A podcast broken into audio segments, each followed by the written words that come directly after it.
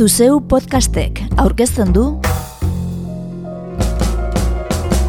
Urpeko bombarda anartz bilbaorekin.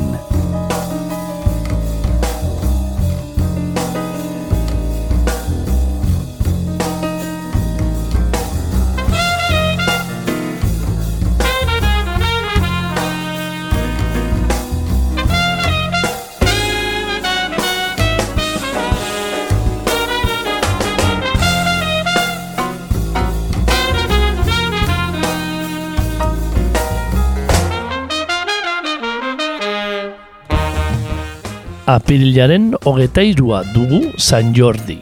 Eta urpeko bombarda ere paper artean galduta dabil onakoan.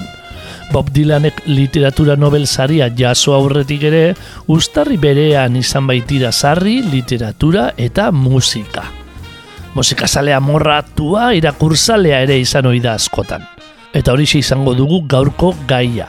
Kaukorikurako lagunen hitz adar jotzaileak buruan ez de kondo idazten motel, den dena ulertzen zaik. Liburuaren egunaren inguruan atondutako zaio honetan, entzongo ditugu Nick Lowe eta Jarvis Cooker, Xavi Strubel eta Javier Muguruza, Talking Heads eta Calle 13, Txuma Murugarren, Deabruak Teliatuetan, Rupert Ordorika, Anari eta Lamb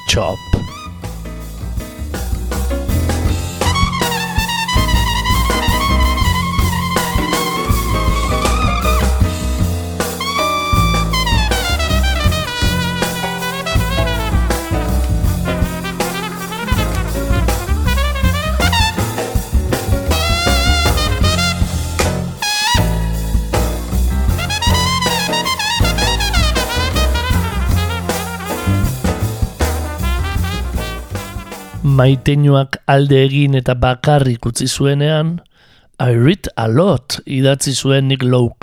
Bi mila Old Magic diskoan dagoen kantu gozoa. Asko irakurtzen dut gaur egun. Zuk abandonatu aurretik baino askoz gehiago. Maitasunik gabeko lurraldean, denbora baino ez dudala eskuartean, asko irakurtzen dut. Eta ez bakarrik aldizkariak, baita kontu serioagoak ere eguna igarotzen laguntzen didatenak, baita gaua ere, bitartean nola egin dezaken munduak aurrera zugabe galdezka. Bakarrik ez da niretzako hitz egokia orain. Triste ez da definitzen nauen hitza. Asko irakurtzen dut eta ezin irakurtzeari utzi. Beste batzuk iria margotzen duten bitartean, ni fantasiasko mundu batean aurkituko nauzu. Populazioa bat, hori naiz ni. Beraz, galdetzen badidazu nola gelditzen nahi zen orain ez daukadanari begira, erantzungo dizut. Asko irakurtzen dut. I read a lot Nowadays Much more than before You left me high and dry In a loveless land with nothing but time on my hand.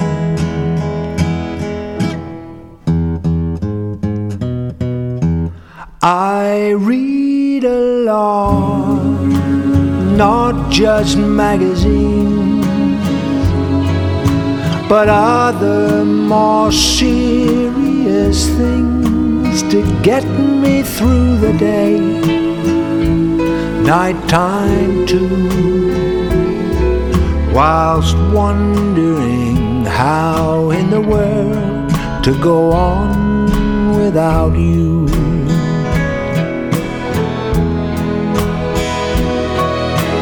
Lonely isn't the word for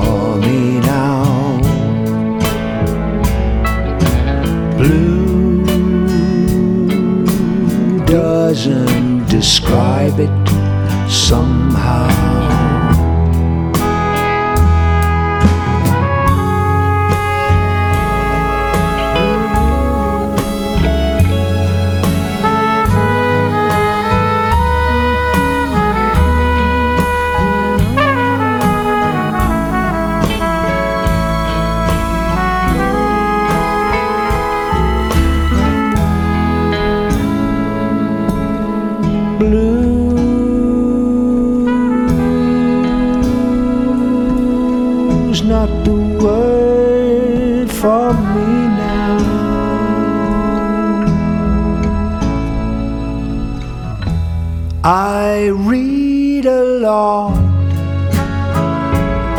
can't put it down. While others are painting the town, you'll find me in a world of fantasy. Population one. That's me. So if you ask me how I stopped contemplating what I now have not, I'll reply I read a lot.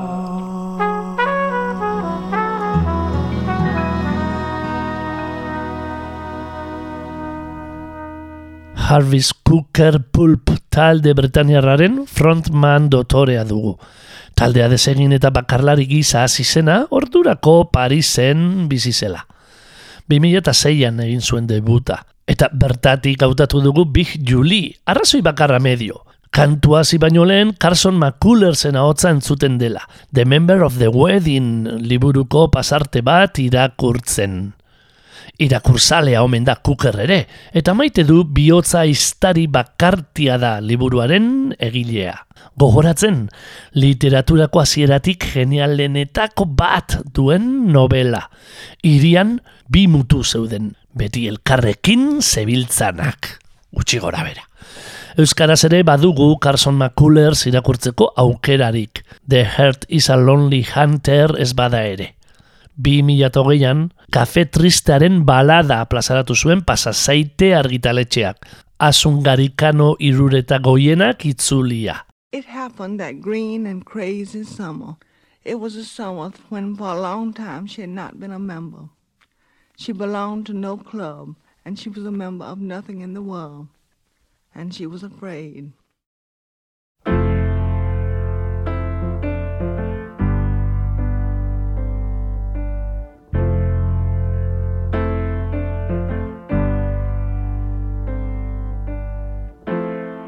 She's by herself again. In the quiet, secret night. Below the neighbor's window. Hands in pockets, head on one side. And the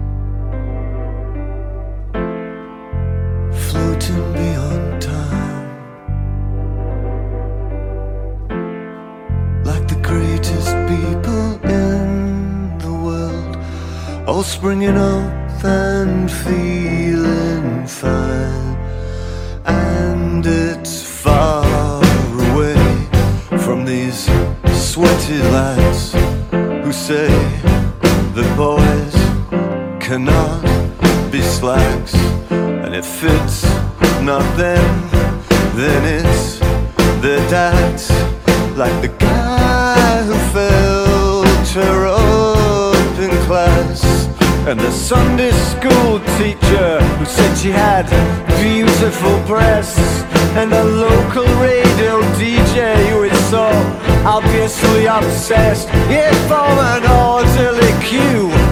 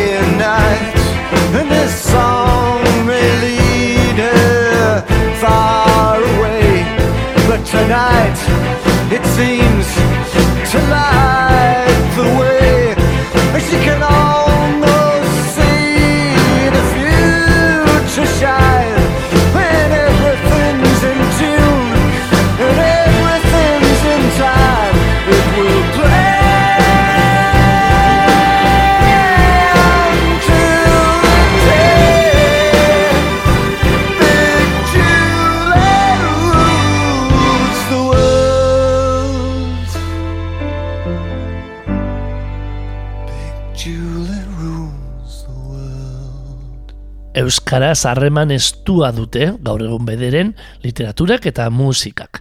Eta asko dira idazlei hitzak eskatzen dieten musikariak. Lehen aitortu dizuegunez. Gotzon barandiarenek horresi erreparatu zion hitzen airea saiakeratxoan. Susan argitaratua 2000 eta amazortzian. Zeri kantatzen diogu Euskaldunok? Galderari erantzuten alegindu zenean. Harreman estua izan du Ruper Ordorikak Joseba Sarrionaindiarekin edo Bernardo Atxagarekin, esaterako. Edo Inigo Aranbarriren laguntza anarik. Edo Koldo Izagirreren kidetasuna Joseba Tapiak. Batzuk baino ez aipatzearren. Eta bada idazle jakin baten testuekin disko osoa plazaratu duen talderik ere. Oskorrik Gabriel Arestirekin egin bezala. Lau asetaren mendeurrenean berbarako, eungarrenean amaika omenaldi diskoa atondu zuen Rafa Ruedak. Esteban Urkiaga zenaren amaika poema gordetzen dituena, beste horren beste musikariren ahotzean. Bertatik jaso dugu neskatxa gorriska bati, non dut eta zura taldeetako gitarra jole Xabi Estrubelek bizkaieraz kantatzen duen. Eneu soño zuri xok, zoie zearen bila. Lilgi arteko isila nastau izue txorixok. Argizko goiz betea egoan eder muñotan.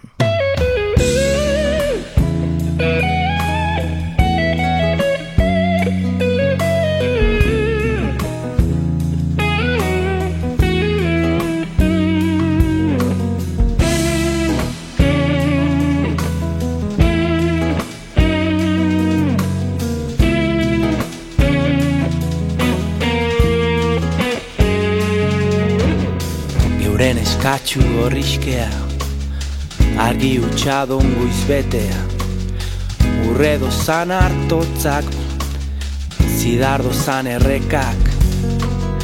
Geuren eskatxu gorrizkea Zetan agone guzkitara. Dardai bixi zeure matxale Argi hori jator landara. Eguzki jadon edertzale Geuren eskatxu gorrizkea Geuren eskatxu gorrizkean Noruntz galdu intzanatan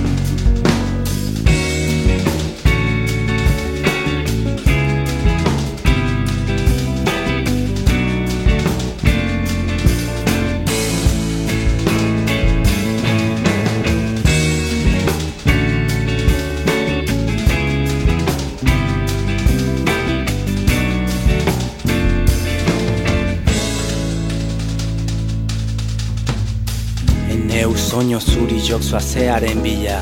Eneu soño zuri jokzua zearen bila. Liliateko isila, naztau egizu txori jok. Eneu soño zuri jokzua zearen bila. Eneu soño zuri jokzua zearen bila. Liliateko isila, naztau egizu txori jok. Argizko goizbetea, Hauan eder muñoetan Geuren eskatxu gorriskea Galdua zanat eguzkitxan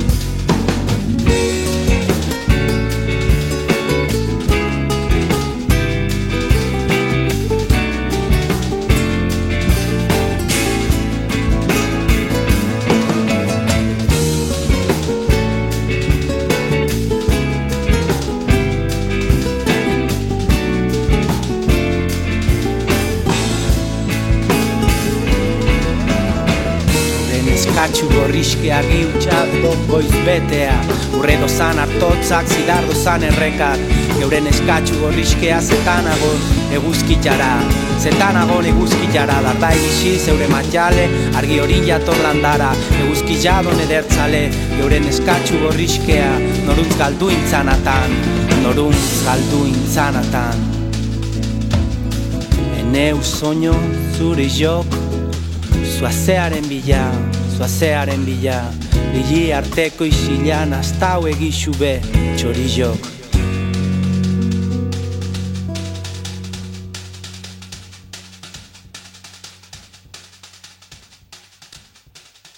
Muguruza naietan nagusienak Javierrek kontu harrigarri bat kontatzen digu mila bederatzen gita mazazpiko aize diskoan. Lingua baskonun primitia kantuan. Euskaraz idatzitako lehen liburuaren egilearekin zuen itzordura eundaka urte berandu iritzi eta ara, zain izan zuenekoa. Etxeparerekin izan dako hitz aspertuan baina, salaketa mingarri bat egin zion musikariak, basena farrak euskal poesia zitaundu zionean. Euskaldunek, zeure salbuespenarekin entzule, ez dutela poesiarik lehitzen.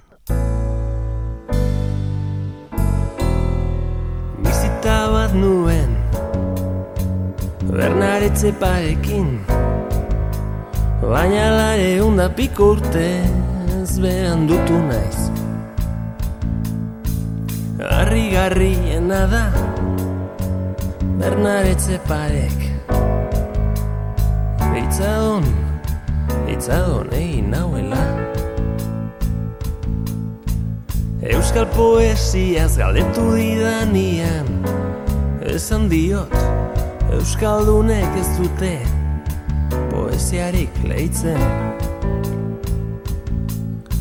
ETV ikusten omen dute Ta bidaia turistikoak eiken omen dituzte. Tropikoetara. ETV ETV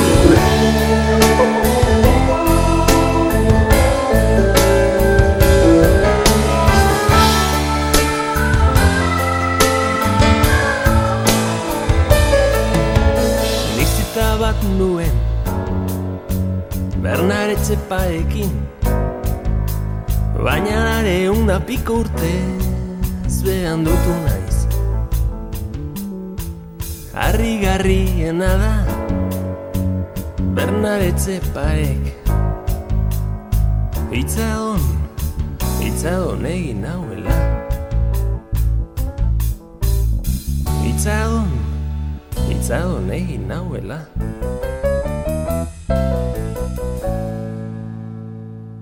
David Byrne ere ikusiko dugunez irakurtzalea da. 2008an, bere New Yorkeko etxetik Londonera berreun liburutik gora bidali zituen. Mildau Festivalean liburutegi bat ezarri eta bertaratutakoek maileguan zer irakurri izan zezaten. Eziketarako funtzesko direlakoan, estiman ditan omen ditu liburutegiak Bernk. Liburuak doan irakurtzeko aukerak ez du argitaletxen negozioarekin bukatu, dio musikariak. Alderantziz, irakurle jantziak sortu ditu, antzeko interesak elikatzeko gogoa eragin, eta sortzeko grina piztu. Izan ere, Talking Heads taldearekin aspaldio hartarazi zigun The Book I Read kantuan. Irakurtzen nabilen liburuari buruz kantatuko dizuet. Lotza ematen diton hartzea nire bihotzeko punturik aulena kolpatu duela irakurtzen nabilen liburua zure begietan aurkitu izanak.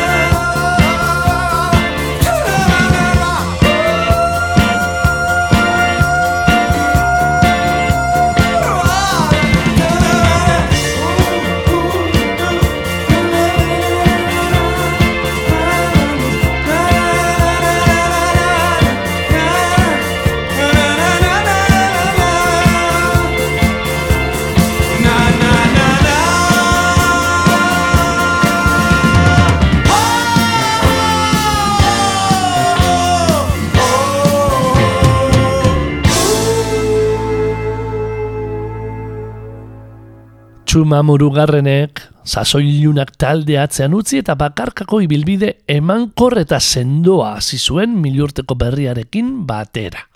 Badoken ari gara irakurtzen. Gerostik zei disko argitaratu ditu. Jite Amerikarreko pop-rock akustikoa, giro ilun eta dekadenteak, eta Europa ekialdeko kabareterako eta hijitoen musikarekiko lilura batuz. Itzen egile gisa ere nabarmendu da murugarren. 2008an nire anaiaren kotxeko argiak plazaratu zuen gaztelupeko hotzaken. Bertatik hautatu dugu biharko eguna, non errenteriarrak zera dioen. Irtetzeko gogoa dut, leku ezberdin batean ezertzeko, irakurri eta idazteko, nire bizitzaren liburuarekin jarraitu ahal izateko. Eta zeinek ez, txuma, zeinek ez.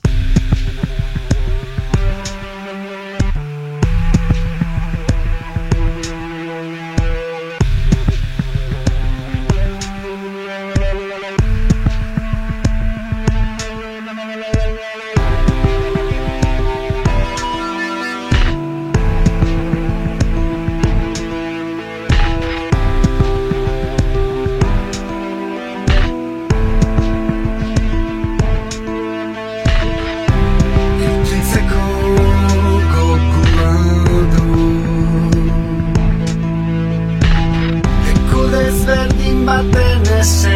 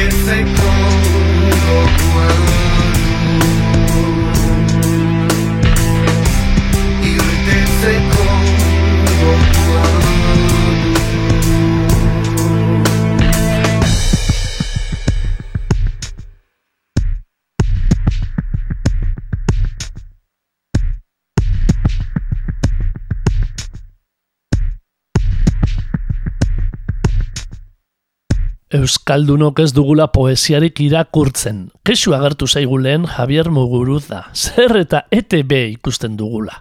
Ez da bil baina erabat zuzen. Oraindik badira eta kantuetarako olerkiak estimatzen dituzten Euskaldunak.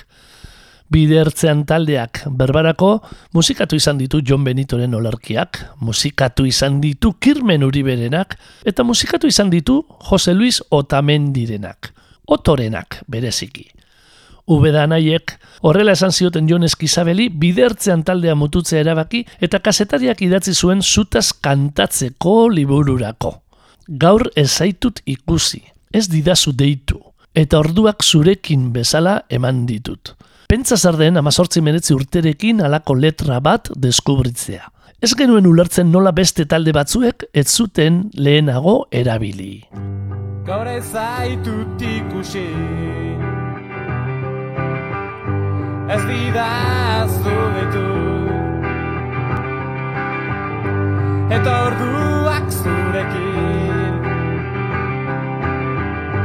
Bezala eman ditut Karmaitasunaz eta Eriotza zitzen dugu Ta tximeleta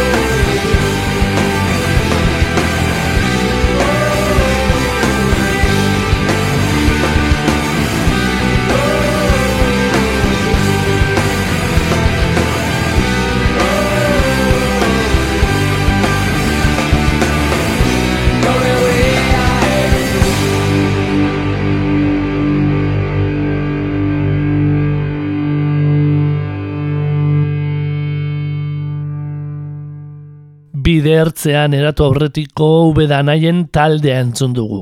Deabruak telatuetan. Gaur euria egin du kantatuz. Eta Puerto Ricora joko dugu jarraian.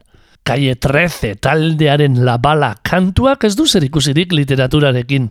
Jaurtigai baten bidea deskribatzen baitu. Pistola baten kainoitik irten eta larrua pitzatzen duen artekoa. Kantutzarra da. Eta bertako pasarte batean renek kantatzen dituen hitzengatik ekarri dugu ona. Hay poca educación, hay muchos cartuchos. Cuando se lee poco, se dispara mucho.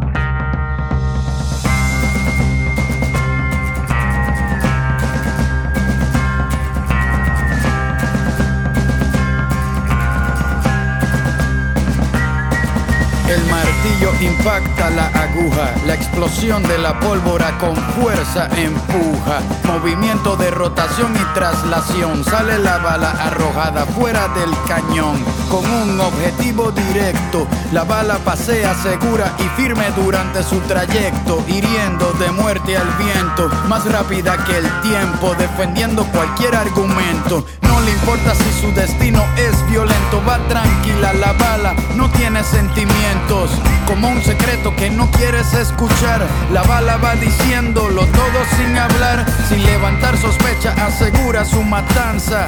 Por eso tiene llena de plomo su panza. Para llegar a su presa no necesita ojos, y más cuando el camino se lo traza un infrarrojo. La bala nunca se da por vencida, si no mata hoy por lo menos deja una herida. Luego de su salida no habrá detenida, obedece a su patrono solo una vez en su vida. Hay poco dinero, pero hay muchas balas. Hay poca comida, pero hay muchas balas. Hay poca gente buena, por eso hay muchas balas. Cuidado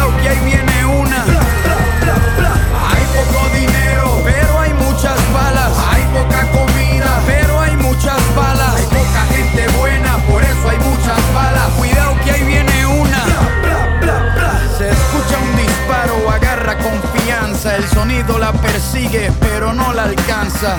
La bala saca sus colmillos de acero y sin pedir permiso entra por el cuero. Muerde los tejidos con rabia, le arranca el pecho a las arterias para causar hemorragia. Vuela la sangre batida de fresa, salsa boloñesa, sirop de frambuesa. Una cascada de arte contemporáneo, color rojo vivo, sale por el cráneo.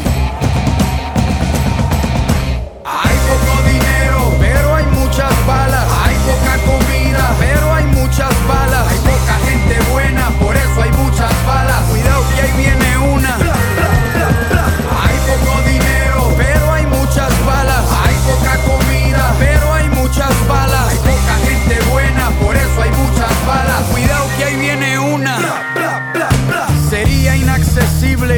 Alguien te mate si cada bala costara lo que cuesta un yate. Tendrías que ahorrar todo tu salario para ser un mercenario. Habría que ser millonario, pero no es así.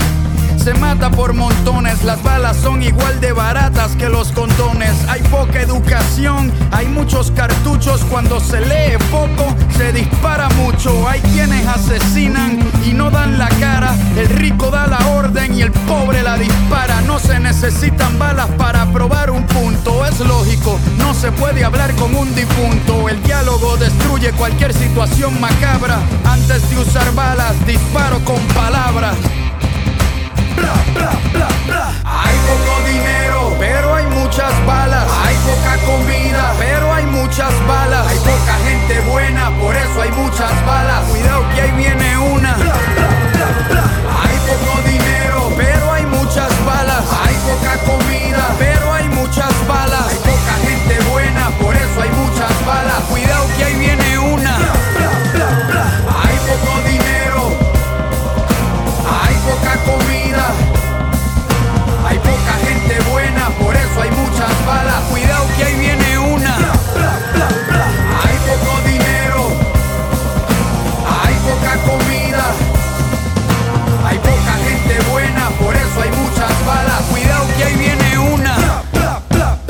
Orain arteko kantu zerrendaren erritmoa apurtu dugu Kaie 13, bikote karibearrarekin.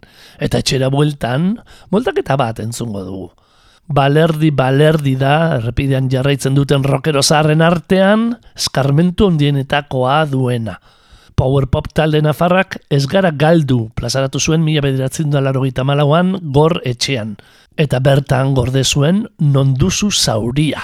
Toño Murok musikatu zuen Peio Lizarralderen testu zoragarria. Ruper Ordorikaren azukreko eskorretako bat.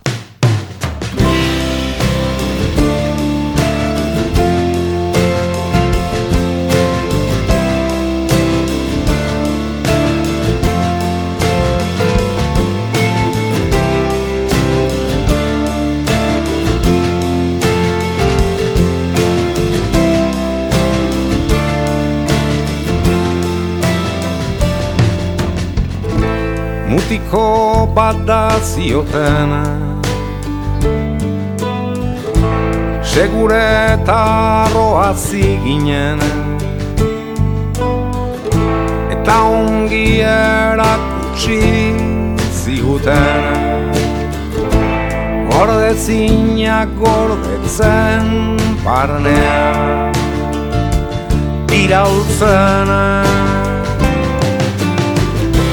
Zuk mundu zuzauria Malko arrasto lehora Urratu tipi ura Urratu tipi ura Zuk mundu zuzauria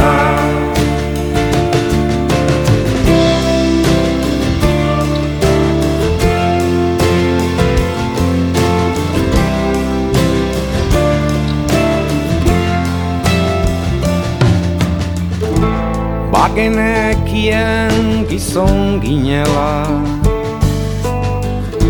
Arraildurek zera matela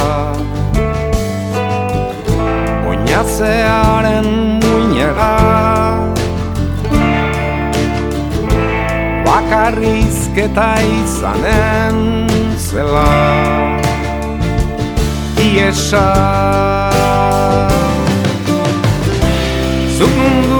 zuzauria Malko arrasto lehora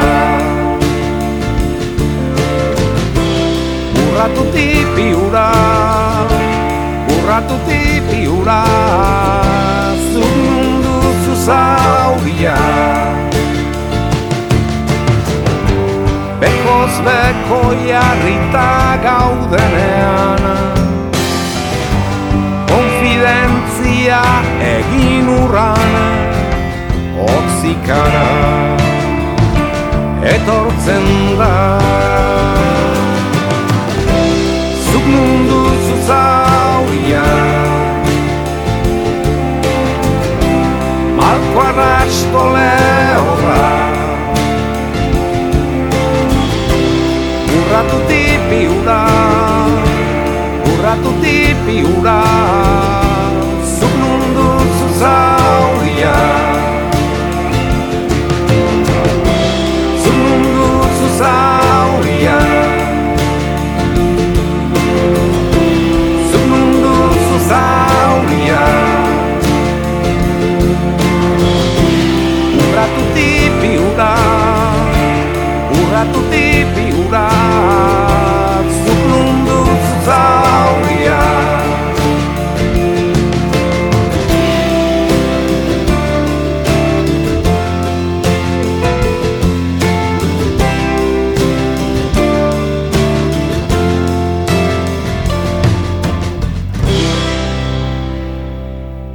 Balerdi balerdi nafarren kantu zoragarria entzun berri dugu.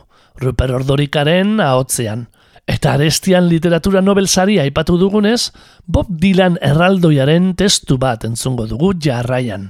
Baina gaurkoan ere oso saio maskulinoa atondu dugunez, Carson McCullersen emakumea hotza baino ez dugu entzun, orain arte. Honakoan ere bertzio bat hautatu dugu. Anarik emana. The Girl from North Country iparraldeko neska bihurtuta.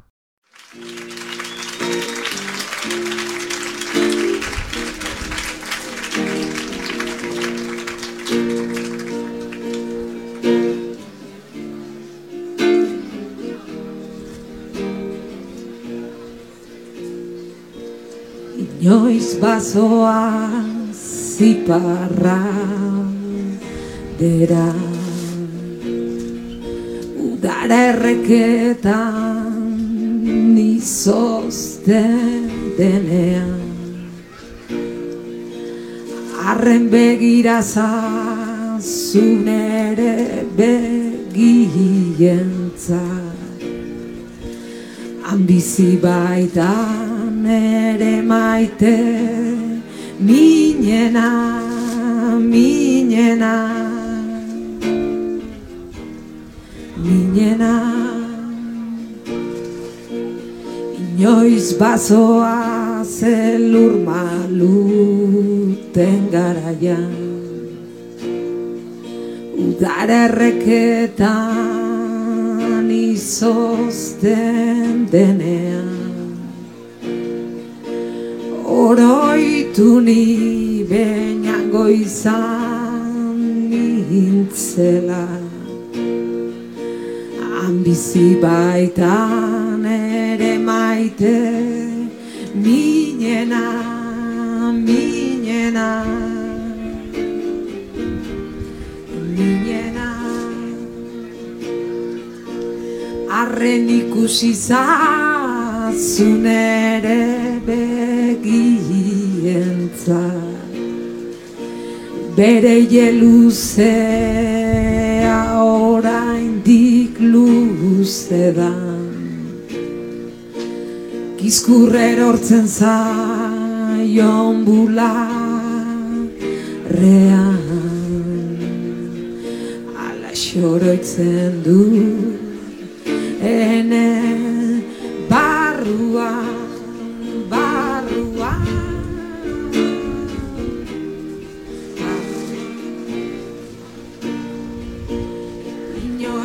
Inoiz bazoa ziparraldera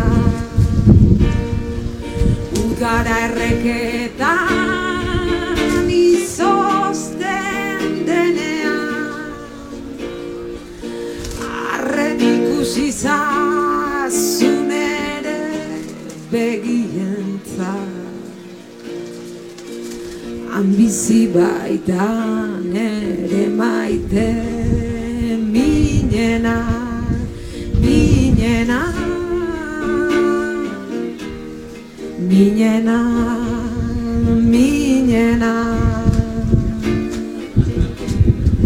Minena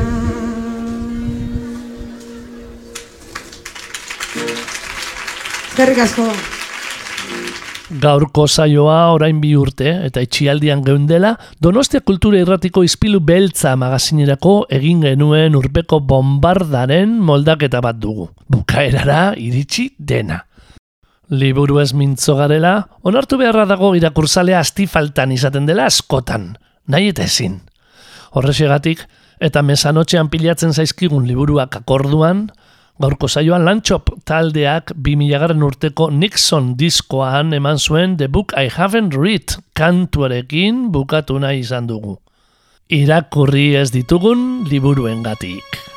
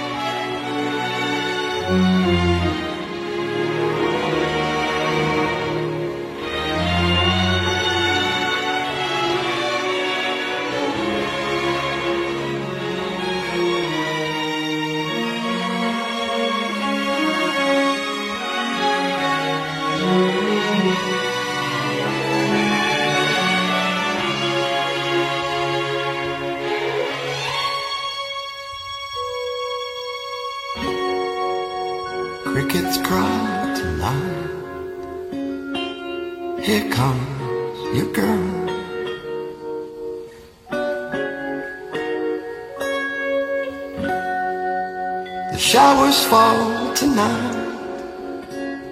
It's a rainy world.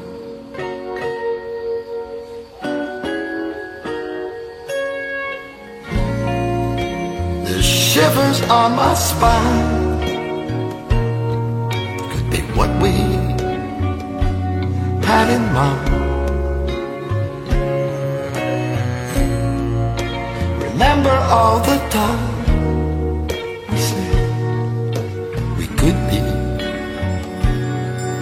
always should be. In on the windy porch tonight. Here comes your girl.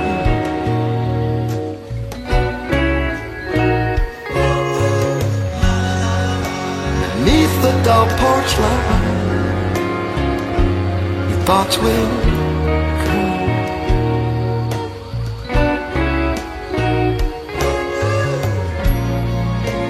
the women and the men.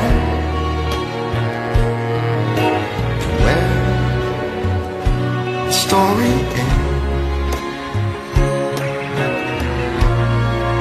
And a voice from up above, he said, Oh, it could be. We should be.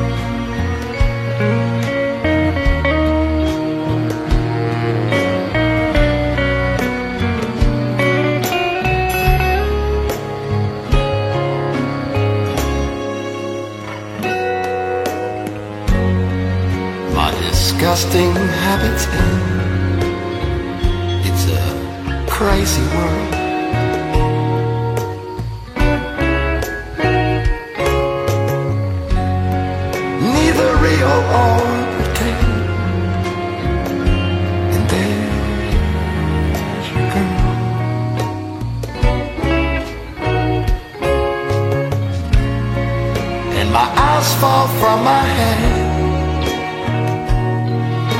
with all the pages read. And I'm so glad you said